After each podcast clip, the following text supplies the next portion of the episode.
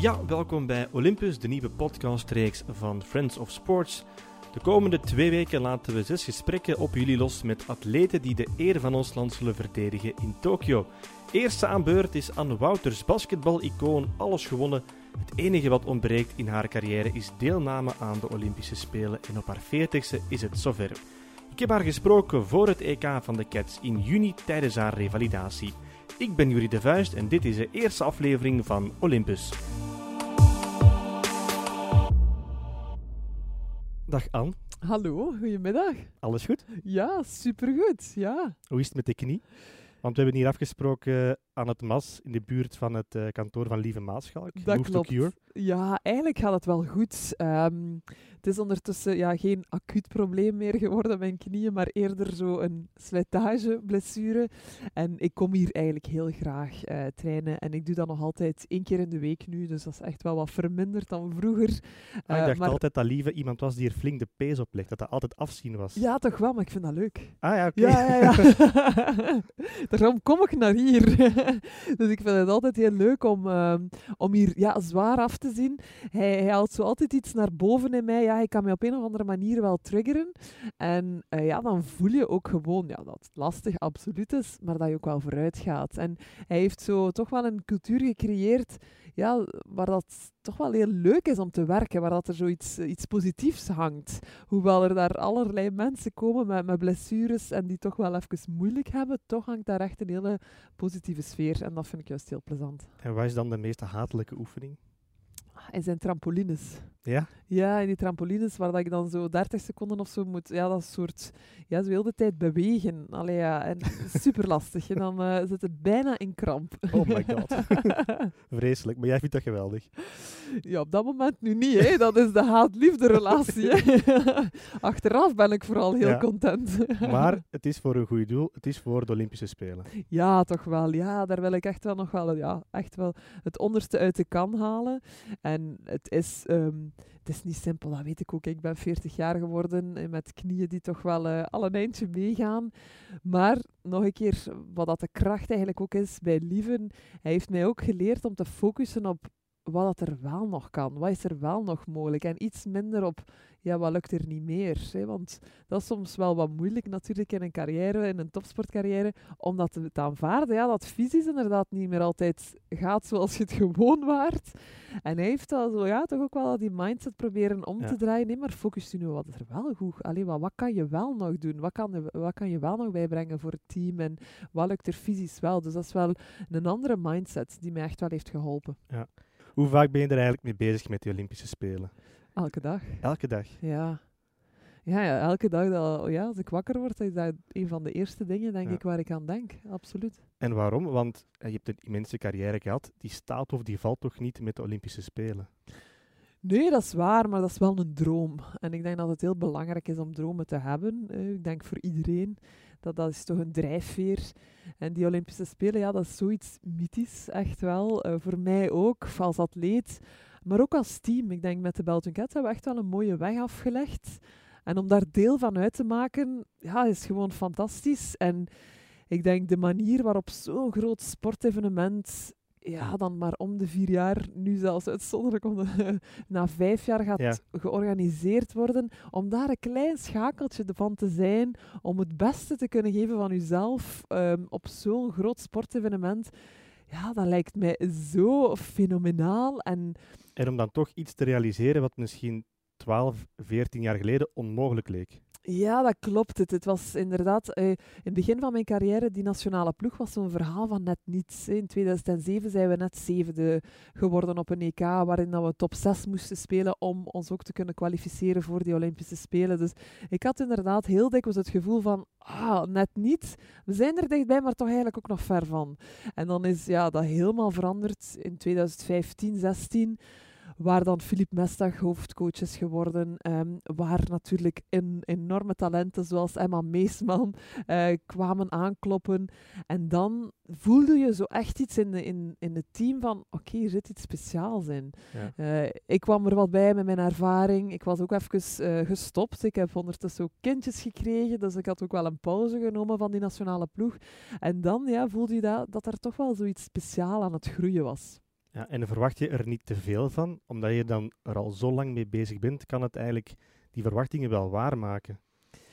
Ja, dat is een hele goede vraag. Daar heb ik af en toe misschien ook een klein beetje schrik voor. Ehm, vooral nu corona gewijs. Ik, ik ben er inderdaad al lang mee bezig, dat geef ik toe met die Olympische Spelen. En ik denk een goed jaar geleden, toen we ons net geplaatst hadden voor uh, die Olympische Spelen in, in Oostende, ja, had ik zo van die beelden voor mij, kon ik mij zo echt... Ehm, ja, als team dat we daar rondliepen op die openingsceremonie in het stadion van 80.000 man.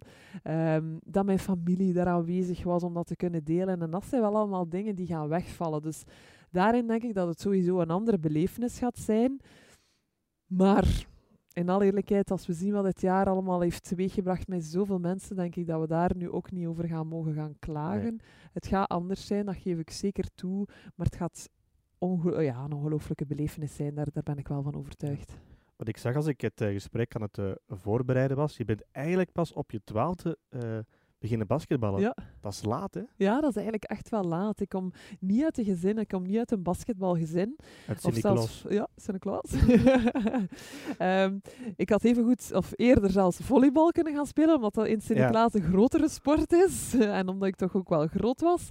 Maar eigenlijk bij toeval echt wel een, uh, een vriendinnetje uit de klas die mij vroeg om toch eens uh, te komen basketten. Ik was wel altijd een heel actief kind, maar mijn ouders op de een of andere manier, ik weet niet juist waarom, hebben mij nooit gepusht om om in een sportclub te gaan, terwijl ik echt wel heel veel energie had. Dus dat ik dacht van, ik zou, als ik mezelf zie als, als jong meisje, had ik me misschien al veel eerder in een of andere sportclub gestoken, maar dat is niet gebeurd. En uh, ik weet wel van het moment dat ik ben beginnen basketten, dat dat iets was van, ik voelde mij daar zo goed. Ik voelde mij daar zo precies thuis. Ten eerste ja, omdat ik nog andere grote mensen zag, dat vond ik al heel leuk. Ah, ja. En um, ik was zo iemand die echt wel heel verlegen was. En ik voel zoiets van, ah, ik, dat voelt leuk, dat voelt goed om in een team te zijn, om samen te, ja, te trainen, dan matchjes te kunnen spelen. En natuurlijk was er het feit dat ik waarschijnlijk het snel aanleerde, dat ik wel een of ander talent ervoor had. Of ervoor had. Dus dat, dat, was natuurlijk ook leuk om snel progressie te maken. Maar vooral ja, dat teamgebeuren en ja, ergens thuis voelen um, was toch wel overheersend. Ja, maar je ergens thuis voelen, dat is één zaak. De stap maken naar professioneel basketbal, dat is wel een andere zaak. Ik denk zeker we spreken nu over meer dan twintig jaar geleden als Belgische, ja. als vrouw. Dat is niet zo evident, denk ik. Wanneer maak je dan die switch? Ja, nee, helemaal niet. Ja, dat zijn uh, hevige discussies toch ook geweest thuis, hoor. Ah, echt? Want um, ja, mijn ouders, ja, er was ook geen enkel voorbeeld. Ik wist echt waar, oprecht, niet dat dat bestond. Dat ik daar geld mee kon verdienen, dat dat uh, professioneel kon. En, um, en dan nog wel in een competitie zoals Frankrijk eigenlijk net uh, tegen, de, tegen de deur. Maar voor mijn ouders was het allerbelangrijkste een diploma halen. Um, en daarin ja, heb ik aan ontgoocheld natuurlijk, want uiteindelijk is dat er niet van gekomen.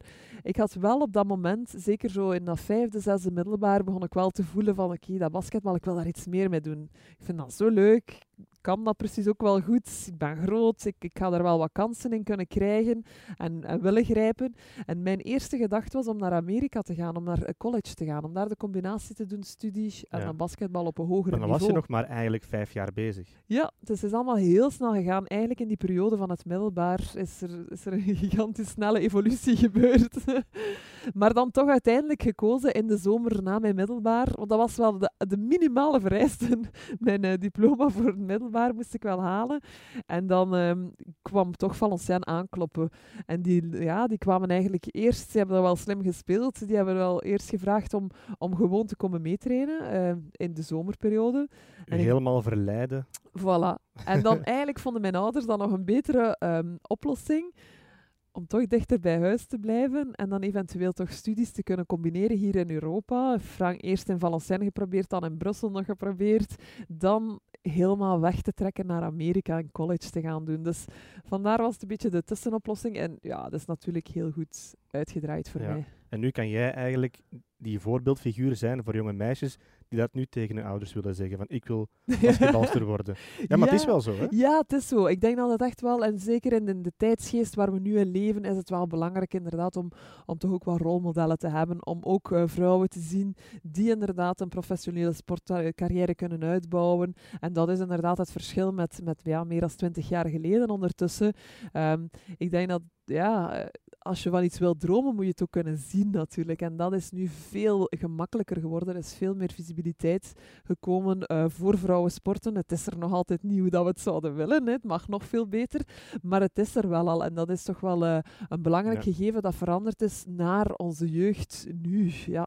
Want als we het heel even overlopen, vijf keer Europees speelster van het jaar, vier keer de Euroleague gewonnen, WNBA-winnaar en All-Star, brons op het EK, halve finale WK, titels, bekers in uh, Frankrijk, Rusland, Spanje, Turkije, Zuid-Korea. het gaat maar door. Gaat maar door. Dat is, dat is gigantisch, hè? Ja, ik ben daar heel trots op, absoluut. Ik heb, uh, ben daar blij voor dat, dat ik had dat nooit gedacht, hè, dat basketbal mij over heel de wereld ging brengen. En dat geeft natuurlijk een veel ruimere blik op, op sowieso op de wereld. En ik heb daar heel veel uit geleerd. Niet alleen natuurlijk basketbal spelen, maar het is ook hoe dat je werkt in een team. Hoe ga je samen voor resultaten. En het heeft je als mens ook verrijkt. Voilà, absoluut. Culturen enzovoort. Zeker, Turkije, die titels Rusland, ja, ja. Die, die, die zijn belangrijk hè, en die creëren een soort geloofwaardigheid, om eerlijk te zijn. Maar wat blijft er vooral bij, zijn, zijn al die ervaringen natuurlijk die ik heb meegepikt en, en mensen die, uh, die ik heb ontmoet voor verschillende coachen heb gespeeld en hoe je dat daar altijd moet aanpassen en, en in die verschillende teams ook su succesvol kan zijn.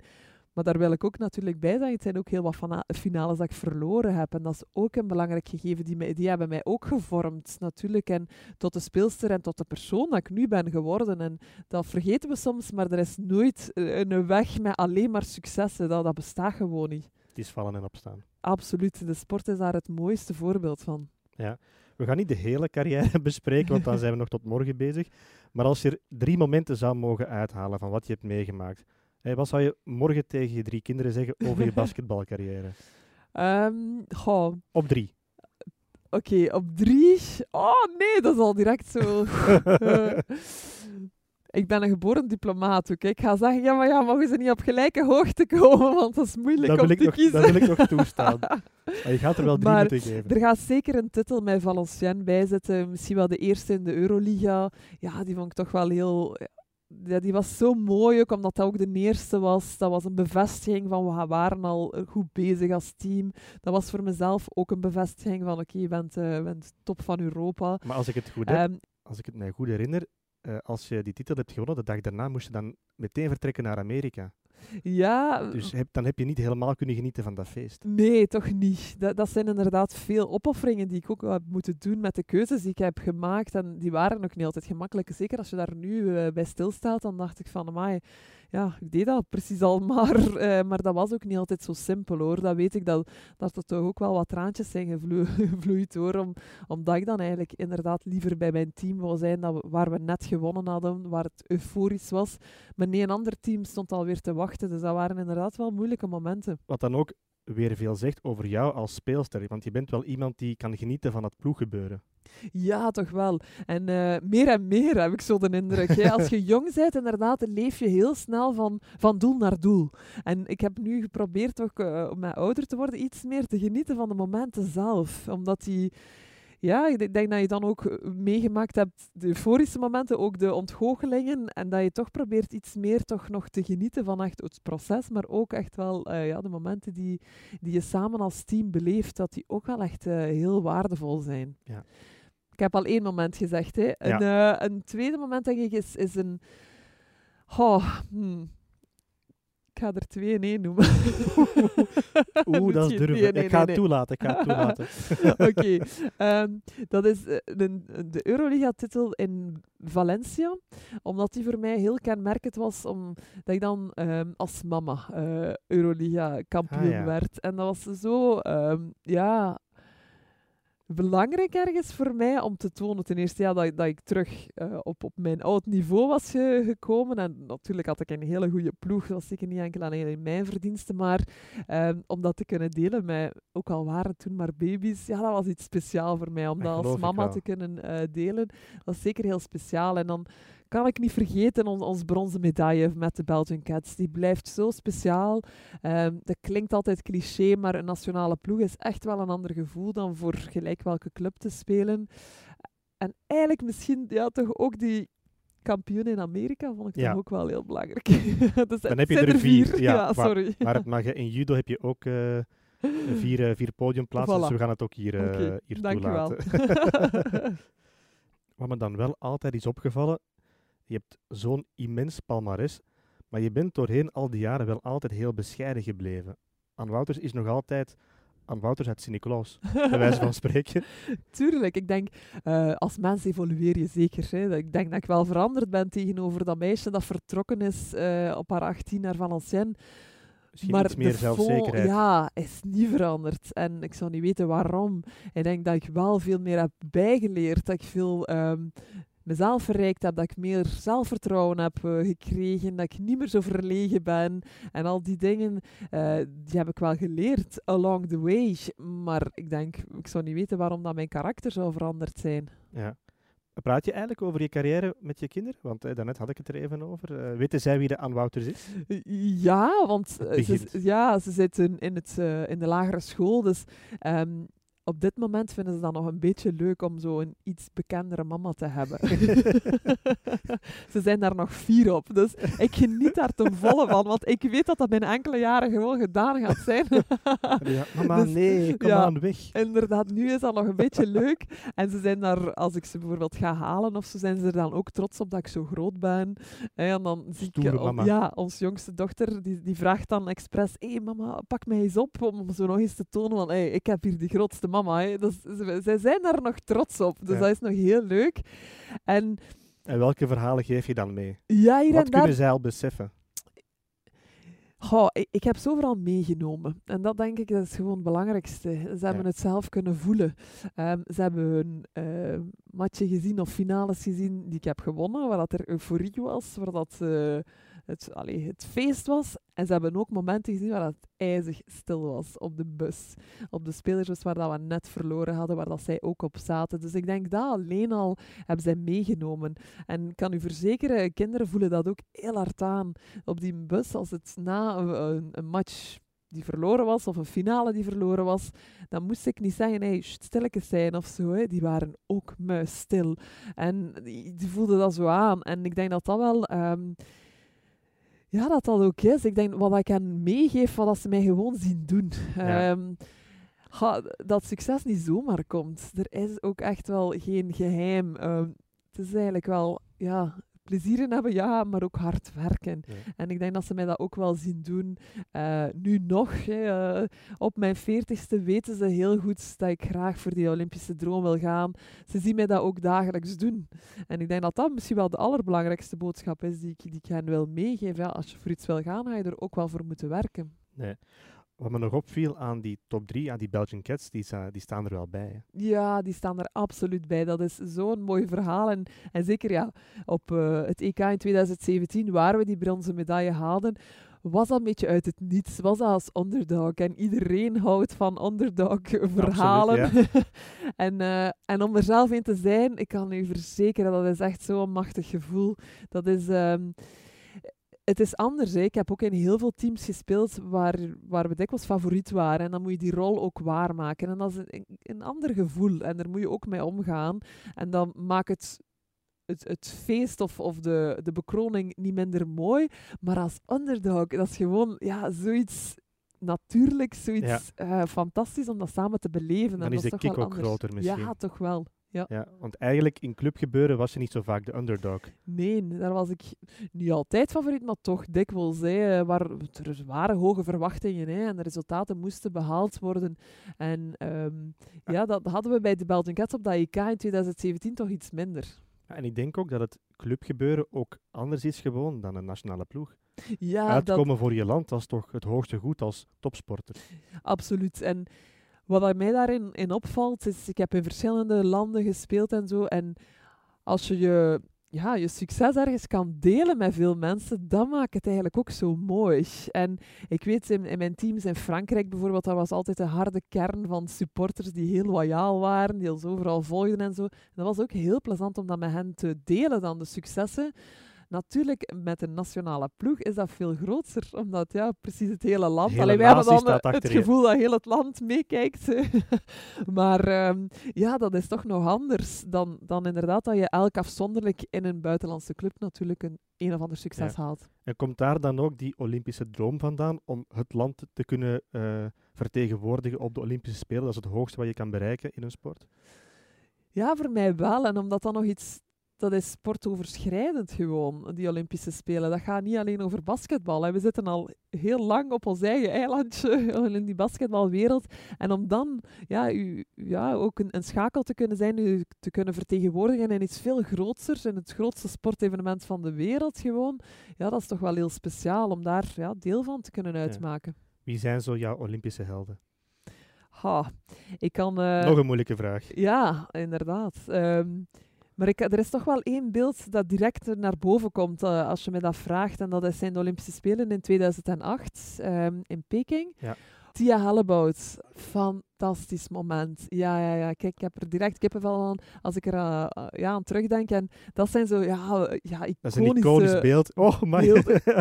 Telepathie. absoluut, telepathie. Ja. Maar dat is, ja, da- daarvoor doen we het zo precies. Hè, Ja, om om absoluut. allee, die Olympische Spelen. En, ehm, goh, er zijn natuurlijk nog andere, maar dat is toch ook een moment waarin dat je zo trots bent. Absoluut. En, en ja, dat zijn. eh, we hebben dat misschien veel te weinig als Belg, maar dat zijn toch wel van die momenten die altijd bijblijven.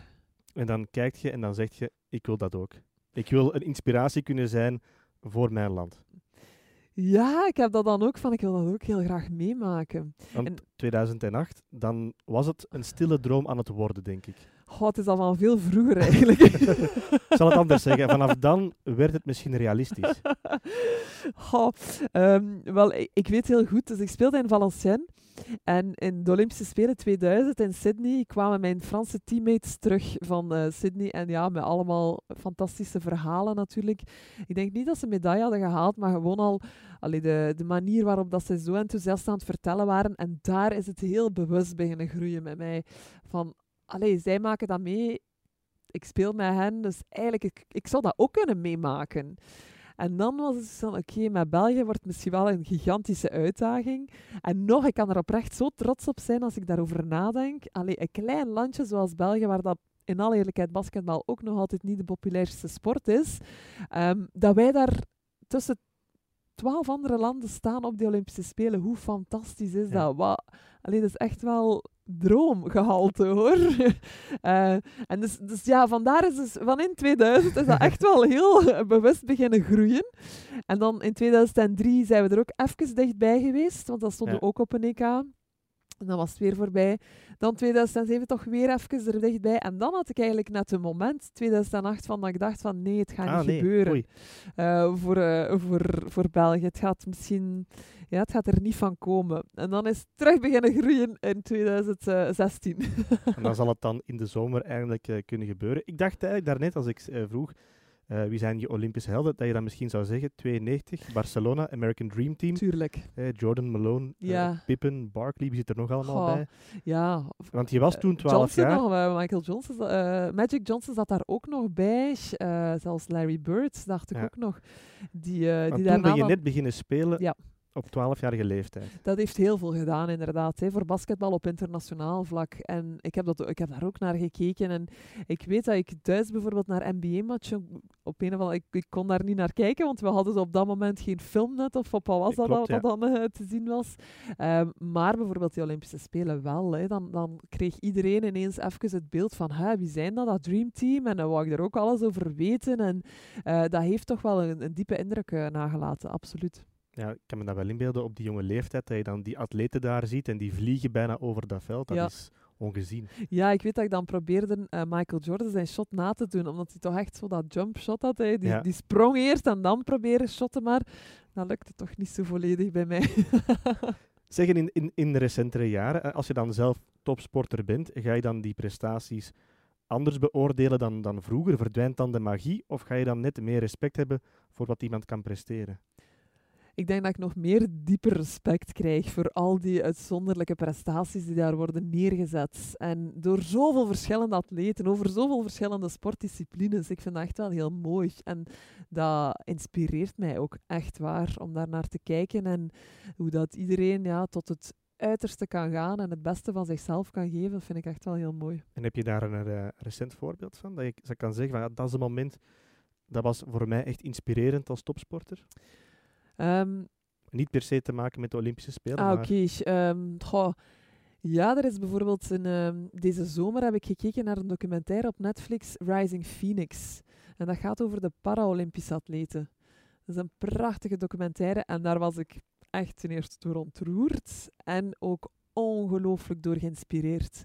Dan heb ik ook echt zo wat die mindset verzet van zij focussen ook niet op hun beperkingen dan, maar echt wat dat er mogelijk is. En hoe mooi dat dat is, de kracht daarvan.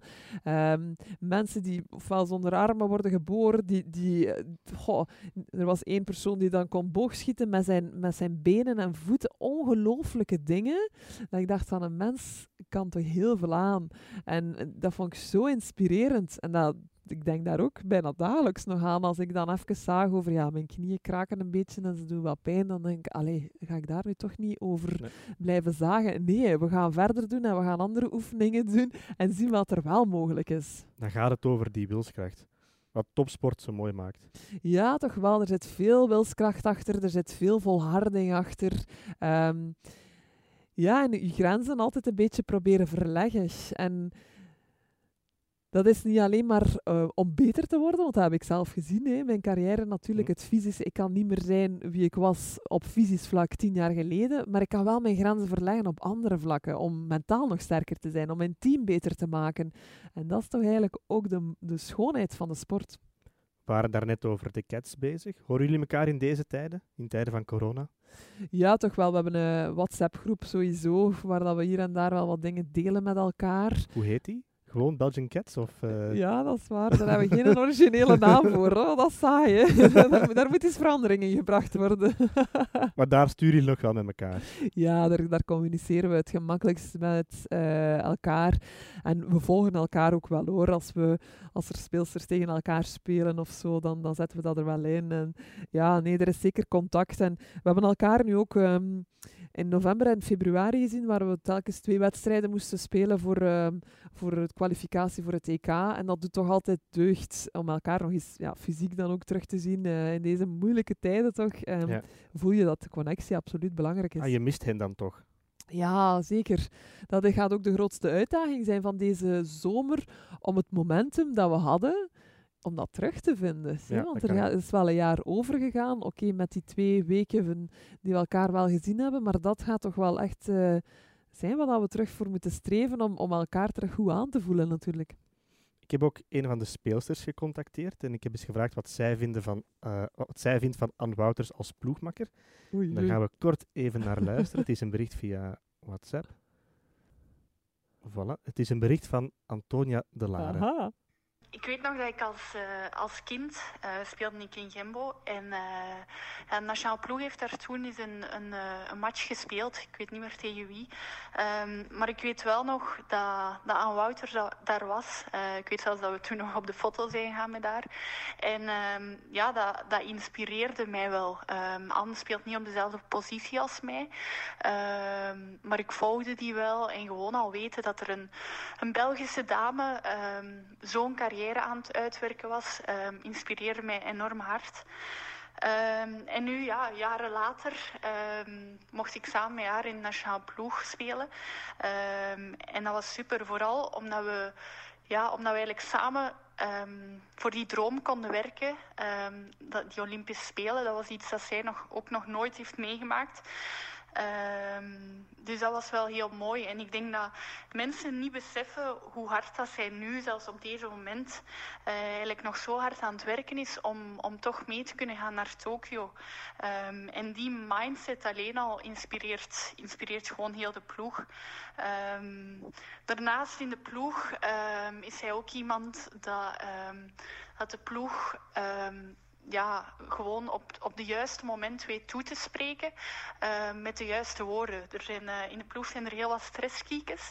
Uh, maar zij weet altijd, ja, ik weet niet hoe dat ze dat doen, maar zij weet altijd iedereen heel kalm te houden. En, en dat helpt ons enorm. Dus um, ik hoop enorm hard dat we deze zomer eigenlijk nog een laatste keer gewoon samen kunnen knallen. Um, omdat gewoon ook niet veel mensen beseffen wat voor een carrière ze heeft gehad. En hoe dat zij eigenlijk onze generatie heeft, uh, heeft geïnspireerd. Mooi. Mooie woorden. Prachtige Amai. woorden, hè? Hartverwarmend. wel. Ja, dat, is, uh, dat doet deugd ook. En Antonia is ook wel een topper natuurlijk. Um, maar wat dat zij aanhaalt is, we inspireren elkaar. Dat vind ik juist het mooie. Oké, okay, ik heb iets meer ervaring en mijn carrière ligt vooral achter mij. Maar zij inspireren mij ook met hun jeugdig enthousiasme. En die wisselwerking is juist zo mooi. En dat maakt ons ook heel speciaal als, als Belgian Cats. En zijn het stresskiekjes? Ja, er zitten er wel een paar bij, ja. en hoe krijg je die dan terug, zeg maar, op het juiste pad? Ja, ik weet niet. Dat, en zoals Antonia zegt, ik, dat is niet dat ik daar op voorhand over nadenk. Wat ik dan juist precies ga zeggen, dat zijn meestal ingevingen van het moment die ik wel aanvoel. En op bepaalde momenten is dat inderdaad echt wel ja, rust geven en zeggen van oké, al het werk is gedaan, we hebben ons goed voorbereid, er is geen reden nu om echt te stresseren. We vragen aan niemand om iets uitzonderlijks te doen, we vragen gewoon om, om te doen wat je altijd doet, wat je elke training doet. En soms helpt dat dan om, om ja, het stressniveau wat naar beneden te brengen. En andere momenten um, ja, ben ik er ook wel om zo wat um, hoe moet je het zeggen, wat, wat aan te steken en zeggen, oké, okay, nu is het wel het ja. moment dat moet gebeuren. Hè? Nu moeten we niet even uh, ja. relax gaan zijn. Kan jij ook hard zijn? Want we kennen jou eigenlijk altijd als iemand die rustig is, heel vriendelijk ja, is. Maar dat is eigenlijk zo grappig, omdat ik daarover aan het nadenken ben geweest. In het begin van mijn carrière was dat totaal niet zo. Maar dat is inderdaad een beeld dat wat verdwenen is. Want de scherpe kantjes zijn er wat afgegaan. Maar ik kon mij enorm druk maken ook op, over verschillende dingen. En ik liet dat ook zien. En, dus je en was nu, eigenlijk ook zelf een stresskieken? Stresskieken, ik, ik, kon niet om, maar onrechtvaardigheid, dat was het vooral. dus, um, en jij vooral, doet topsport. Vooral, ja, zo, ja, beslissingen van arbiters of zo, dat, dat, dat, kon ik niet zo goed soms mee om. Dat heb ik dan geleerd, om dat los te laten. Maar dat is eigenlijk echt wel grappig, dat, dat mijn rol echt wel geëvolueerd is. Dat ik nu degene ben die rust brengt, terwijl ik daarvoor ja, ook wel de, de heftige kon zijn. Maar ja, dat is, dat is het mooie, denk ik, hè, om, om Ja. te kunnen evolueren in verschillende rollen. Is het de beste Belgische ploeg ooit, denk je? Ehm, De lichting die we nu meemaken? Want jij zit er Ja. al lang bij. ja, toch wel. Ik denk het wel. Dat dit wel echt de beste lichting is. En wat mogen dan de ambities zijn op de Olympische Spelen? Ja, dat is een vraag die moest komen. Hè. Ja, Vroeg of laat ja, ging ze vallen. Maar je Eh, kan vrij uitspreken, want we gaan het toch pas ergens in de zomer Ja. online zetten. Dus je kan nu zeggen wat je denkt. Nee, ik denk dat wij zeker met gezonde ambities gaan. Dat is zo het diplomatische antwoord. Hè. Ehm, we weten ondertussen ook onze poelen al. En ik zie daar toch wel echt een kans om die kwartfinale te halen. Dat moet echt onze doelstelling zijn. Ik denk dat we, als- als we in die top 8 zijn, dat we dan wel al echt iets moois hebben eh, neergezet. Natuurlijk, eens dat we in een kwartfinale staan, ja, dan wil je die ook winnen. En dat gaat er dan ook toch een klein beetje van afhangen. Die, wie dat je dan precies uitkomt, heb je daar, ja, dan is het één match dat je alles, waarin alles kan gebeuren. Maar ik denk dat de voornaamste doelstelling is uit die groepsfase geraken of kwartfinale spelen. En wanneer komt de groep dan samen voor Tokio? Wanneer is het de laatste rechte lijn? Eigenlijk is dat. eh, we beginnen dan eh, ja, begin mei. En dan is natuurlijk eerst alle focus op het EK. Dat eh, half juni ehm, wordt gespeeld in Frankrijk en Spanje. En dan hebben we eigenlijk maar enkele dagen vrij. En dan is het direct richting Tokio. Dus vanaf mei is het eigenlijk echt wel één lijn naar Tokio. En daarna? En na de Spelen? Wat dan? De vraag van Daarna- 1 miljoen? Ja, nou, ik denk dat het sowieso voor mij al een overgangsjaar was. Dat ik wel hier en daar ook al ben beginnen ehm, dingen uit te proberen die ik leuk vind om te doen. eh, waar dat ik mezelf zie, eh, zie doen ook na die Olympische Spelen. En ik kom toch dikwijls uit om, om mensen te, te inspireren, om ook wel mijn ervaringen te delen. En dat ben ik op dit moment ook al eh, zachtjes aan aan het doen. ehm, binnen een aantal bedrijven. Maar ik zou daar misschien nog graag nog iets specifieker ook naar de jongeren toe, mij daar toch nog iets meer voor willen inzetten. Ehm, een ander thema dat ik ook wel heel tof en belangrijk vind, dat mij nou aan het hart ligt, is ook uh, meer kansen creëren voor vrouwen in de sport. En op allerlei vlakken, uh, of in allerlei rollen. Dus dat, ligt mij toch ook wel nauw aan het hart. Dus wat dat, dat precies wordt, ja, dat, dat zullen we nog eventjes afwachten. Het moment zelf, wanneer het dan gedaan is, je hoort die laatste buzzer, wat verwacht je daarvan? Dat zal heel raar aanvoelen, ja, denk ik. Ja, nee. Gaat het met de medaille zijn of niet? Oh! nee, nee, nee. Dat ga ik dat, onthouden. ik mag het hopen, het zou wel mooi zijn. Zo, voilà. dus ik denk de omstandigheden gaan ook nog wel wat uh, ermee te maken hebben. Maar um, ik denk dat ik dan vooral, en wat ik nu ook echt wel al voel, is, is heel veel dankbaarheid. Dankbaarheid voor zo'n ongelooflijk avontuur dat het toch wel geweest is. Um, dat mij zoveel heeft bijgeleerd en, en die mij ook wel wat gevormd hebben tot de persoon dat ik nu ben. En, um, en ik hoop gewoon dat ik nog, uh, nog veel andere dingen, dat ik ga blijven evolueren. Dat denk ik, hoop ik gewoon voor mezelf. En gaat het ook een moment zijn van verlossing, dat het eindelijk ook afgelopen is? Want je bent het nu zodanig aan het rekken ja, om het toch maar mee te maken.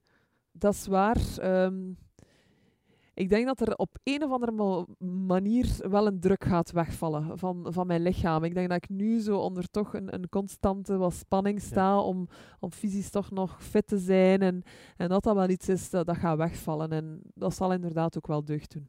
Je zei het daar net al, je bent iemand die niet stilzit. Je bent speaker, je, je zet je in voor goede doelen, hè, ook in het verleden. SOS Kinderdorpen enzovoort. Je bent ook iemand die een actieve rol opneemt in alles wat met bewustmaking te maken heeft omtrent uh, uh, LGBTQ, gelijke kansen voor vrouwen enzovoort. Waarom vind je dat zo belangrijk om, om je steentje daarin bij te dragen? Ja, dat is wat onze ma maatschappelijke rol. En ik denk dat we sowieso een, een, als sporter wel een platform hebben gecreëerd. Uh, en dat we dat ook mogen gebruiken. Dat is iets wat ik misschien wel wat meer geleerd heb in Amerika, waar we dat als sporters wel ah, ja. meer doen. Ja.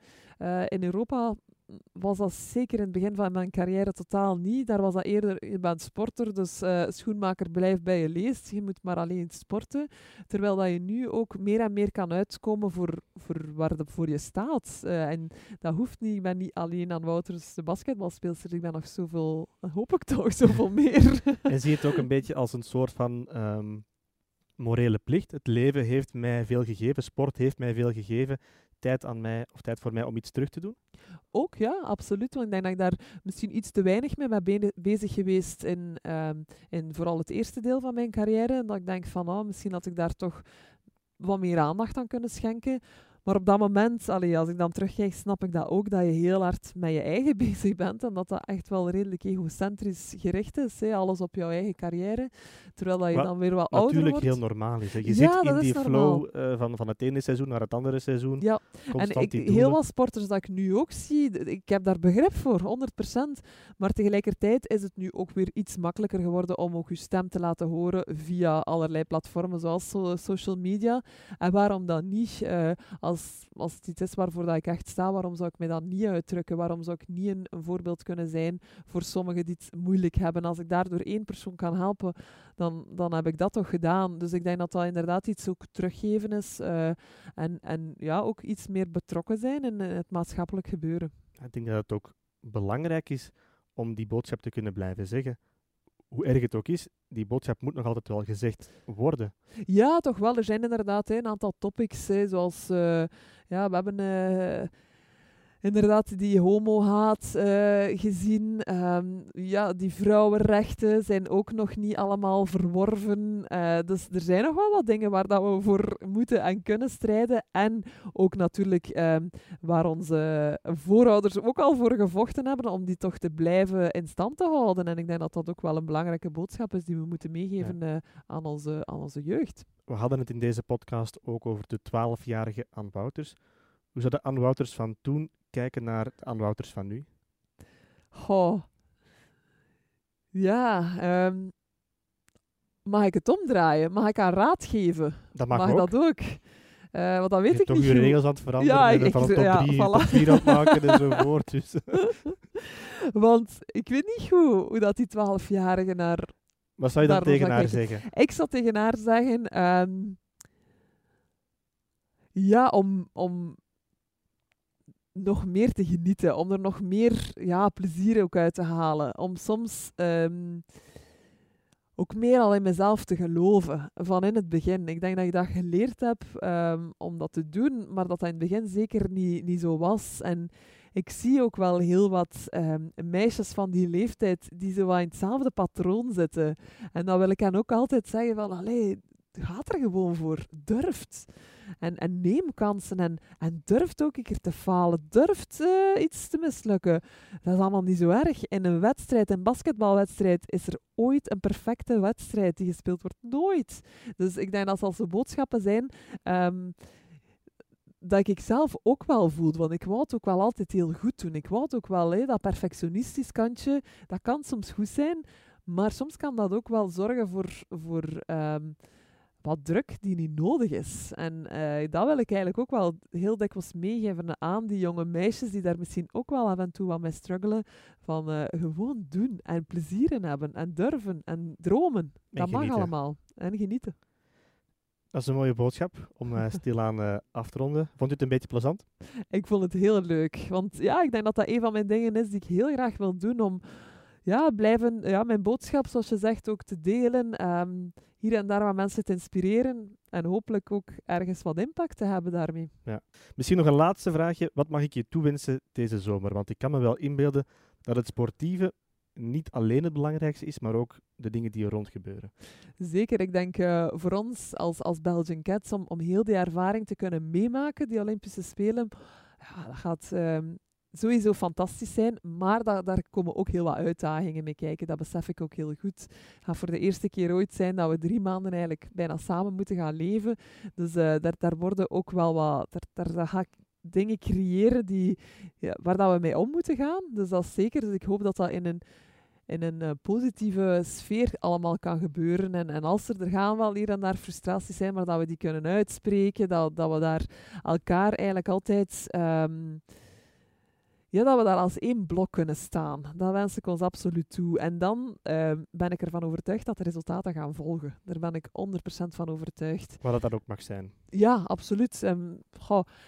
En dan, dan hoop ik natuurlijk ook ja, dat we toch op een of andere manier ook um, kunnen delen met onze familie, met onze vrienden. Want die hebben ook heel die weg met ons eigenlijk afgelegd. En uh, die mogen daar toch ook wel van meegenieten. Ja, ah, wel, ik wens je het toe. Anne, dikke merci voor het gesprek. Dank u wel. En heel veel succes met de Cats in Tokio. Dank u, dank u. Dikke merci.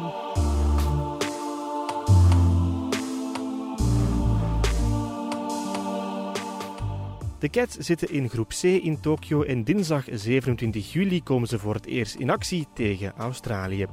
Morgen aflevering 2 met badmintonster Lianne Tan.